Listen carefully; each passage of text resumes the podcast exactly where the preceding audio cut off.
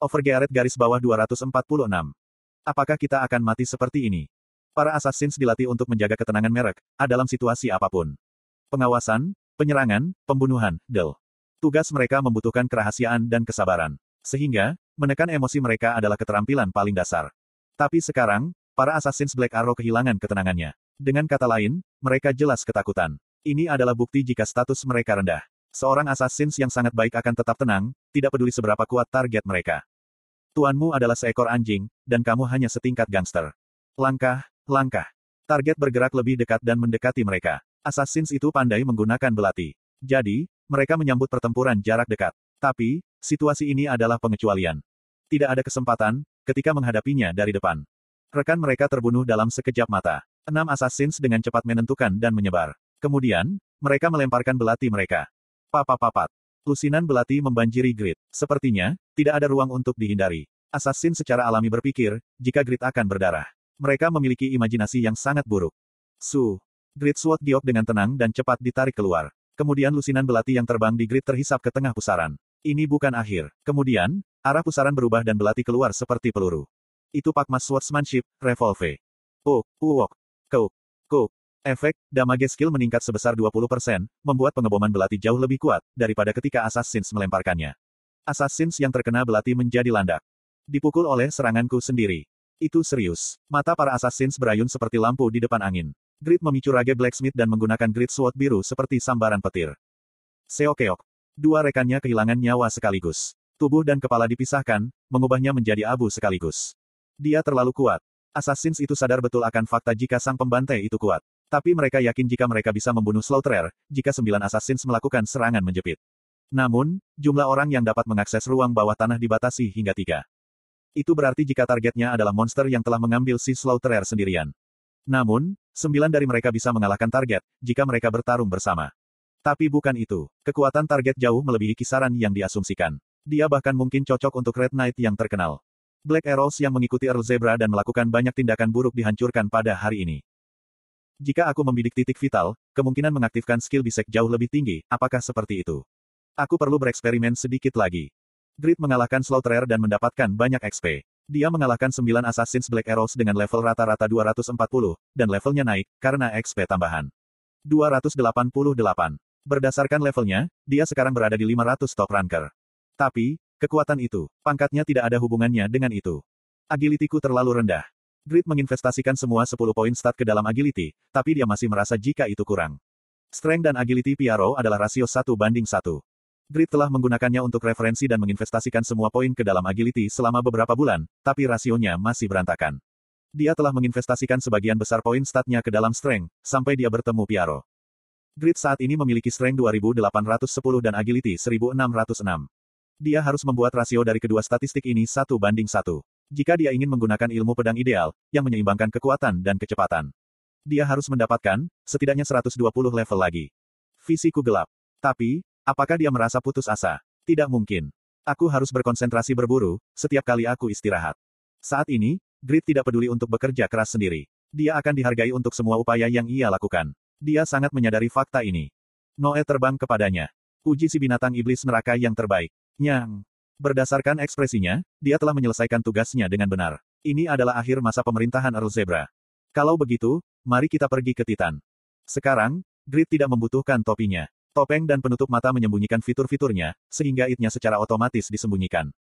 Grid bergerak maju tanpa ragu-ragu. Dia bertemu monster dalam perjalanan ke Titan, dan secara bertahap disesuaikan dengan penggunaan ganda dan menggunakan skill deteksi titik vital.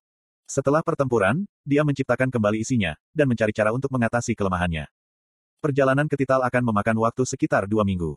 Sampai saat itu, tujuan grid adalah untuk mencapai setidaknya level 291. Secara mengejutkan, Randy dan Noe bersikap ramah. Noe, imut. Kiang, tepuklah binatang iblis neraka terbaik di kepala. Belai daguku juga, Kiang. Knight ke-31, Idan. Dia adalah yang termuda dari Red Knight. Dia baru berusia 14 tahun, ketika dia bergabung dengan para Knight, dan sekarang dia berusia 23 tahun. Dia bukan dari keluarga bergengsi. Tapi, tidak ada yang bisa mengabaikannya. Siapa yang akan mengolok-oloknya, salah satu knight terkuat kekaisaran. Harem. Adegan, di mana Earl Zebra dibunuh. Ada puluhan bangsawan dan knight hadir. Mereka berdiri seperti patung batu dan menyaksikan Idan. Di sisi lain, Idan tidak melihat mereka. Dia menanyai tujuh tentara yang membunuh Earl Zebra, serta keadaan sekitar pembunuhannya. Um, begitu. Setelah beberapa saat, Idan membuat ekspresi, seolah dia akhirnya memahami situasinya. Kemudian, di tempat Earl Zebra terbunuh. Dengan kata lain, dia duduk di atas tahta di aula besar. Tidak ada yang menunjukkan, jika perilaku ini tidak pantas. Idan berpesan. Hancurkan mereka dan keluarga mereka. Es Sir Idan. Tujuh tentara yang membunuh Earl Zebra berteriak. Bukankah dia mengatakan, jika keluarga mereka akan hidup, jika mereka bekerja sama dengan penyelidikan? Itu adalah perintah yang kejam. Idan tersenyum pada mereka, yang menatapnya dengan mata penuh permohonan dan dendam. Aku mengerti alasan mengapa kamu perlu membunuh Earl Zebra. Selain itu, aku tahu, jika Zebra pantas mati. Tapi, kejahatan adalah kejahatan. Aku harus menegakkan hukum. Mengapa kamu melakukan ini? Kamu berjanji untuk menyelamatkan keluarga kami. Itu kalau kamu bekerja sama. Kami bersedia bekerja sama. Ya, kapan? Petik dua tanda seru petik dua. Para prajurit menyadarinya. Idan adalah orang jahat. Dia sama kejamnya dengan Earl Zebra. Sangat mengerikan, melihatnya tertawa, ketika dia menghukum puluhan orang sampai mati. Idan menyaksikan para prajurit yang diseret ke area eksekusi, sebelum beralih ke para bangsawan. Apakah kamu mengatakan, jika kamu adalah Baron Feradin? Iya. Feradin dipanggil oleh Idan dan maju selangkah. Idan mengamatinya dengan seksama, sebelum tersenyum. Kamu secara tidak sengaja menyaksikan pembunuhan Earl Zebra di tangan prajuritnya, dan menangkap mereka, bukankah kamu baik-baik saja? Itu sarkastik terang-terangan. Situasinya cukup bagus untuk membuat Feradin menonjol, dan Idan dengan jelas menciumnya. Feradin tidak goyang. Dia membungkuk sambil mempertahankan ekspresi tenang. Aku mungkin bisa menyelamatkan Earl Zebra, jika aku tiba di tempat kejadian sedikit lebih cepat. Aku minta maaf. Mata Idan menjadi gelap. Feradin adalah pria yang cukup tangguh. Apakah kamu tahu sesuatu tentang Assassin Slaughterer? Tepat sebelum Earl Zebra dibunuh, seseorang telah membunuh Slaughterer itu sendiri. Idan curiga, jika hal-hal ini berkaitan. Namun, itu masalah karena Feradin yang dianggap berada di tengah-tengah kasus ini, tetap konsisten hingga akhir. Ini semua yang dikatakan tentara. Dia sendirian, dan pria berambut hitam penuh rahmat. Aku tidak melihatnya sendiri. Ya, aku mengerti.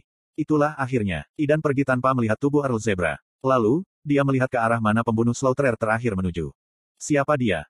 Divisi penilaian kekaisaran menentukan, jika Slaughterer adalah monster kelas A+.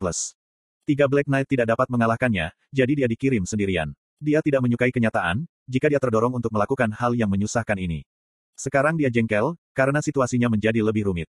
Seseorang yang hanya bisa menangani monster tingkat A+ tidak biasa, para senior tidak akan menyukainya, jika aku kembali tanpa menyelidiki identitas orang tersebut. Hah? Dia hanya bisa menghela nafas. Apakah ini informasi otentik? Ya. Oke, sekarang adalah waktu yang tepat. Zibal berada di urutan kedua pada Unifit Ranking. Snake Guild yang dipimpin olehnya, tumbuh dengan cepat. Tapi, dia tidak bisa menahan perasaan cemas. Jumlah anggota guild adalah 275 dan level rata-rata mereka melebihi 230.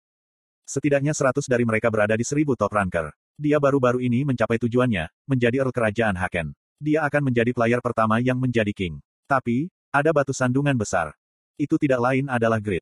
Grid telah menjadi duke sekaligus, karena invasi golem skala besar. Sangat mungkin, jika Grid akan mengambil gelar raja pertama. Zibal tidak bisa duduk, dan sebaliknya membuat rencana. Tujuh guild bergabung untuk menjaga Grid dan dan tetap terkendali. Para pemimpin tujuh guild berjanji untuk bekerja sama. Mereka akan menekan Grid. Tapi, ada masalah. Grid dan Overgeared Guild terlalu besar. Bagaimana mereka bisa menyerang Raidan, ketika ada sekelompok monster yang benar-benar mendominasi posisi 10 hingga 40 di Unifit Ranking. Jika tujuh guild bergabung, mungkin saja untuk membunuh anggota Overgearet. Tapi, mereka harus mengambil kerusakan besar. Itu akan menjadi kerugian bagi mereka. Zibal dan para pemimpin dari tujuh guild tidak bisa sembarangan mengambil tindakan. Mereka khawatir selama beberapa bulan terakhir, tapi harus menunggu. Kemudian, sebuah kesempatan tiba. Menurut tim pengintai yang dikirim ke bagian barat dari Kerajaan Eternal, grid baru-baru ini menghilang dan anggota Overgear telah meninggalkan Raidan untuk mengembangkan tambang. Saat ini, Raidan benar-benar kosong. Bagaimana jika mereka menyerbu dan menghancurkan fasilitas itu? Ini akan menjadi pukulan besar yang sulit diatasi oleh Grid. Pergi ke Raidan sekarang. Kenakan helm atau topeng untuk menyembunyikan identitasmu, dan bergerak diam-diam dan secepat mungkin. Di saat yang sama, Raidan. Ini adalah kota Grid. Pemandangan ladang dan dinding yang tak berujung membuat Damian kewalahan. Dia telah melakukan perjalanan ke banyak kota besar selama petualangannya. Tapi dalam hal ukuran, Raidan adalah yang terbaik. Menjadi seorang duke benar-benar hebat. Menguasai kota besar ini. Luar biasa. Populasinya harus lebih dari seratus ribu. Damian melihat sekeliling ke sekeliling dan mengaguminya. Apakah pengunjung tidak diterima? Dua petani tiba-tiba tiba di depannya dan mengajukan pertanyaan kepadanya. Kamu siapa? Petik dua tanda tanya petik dua.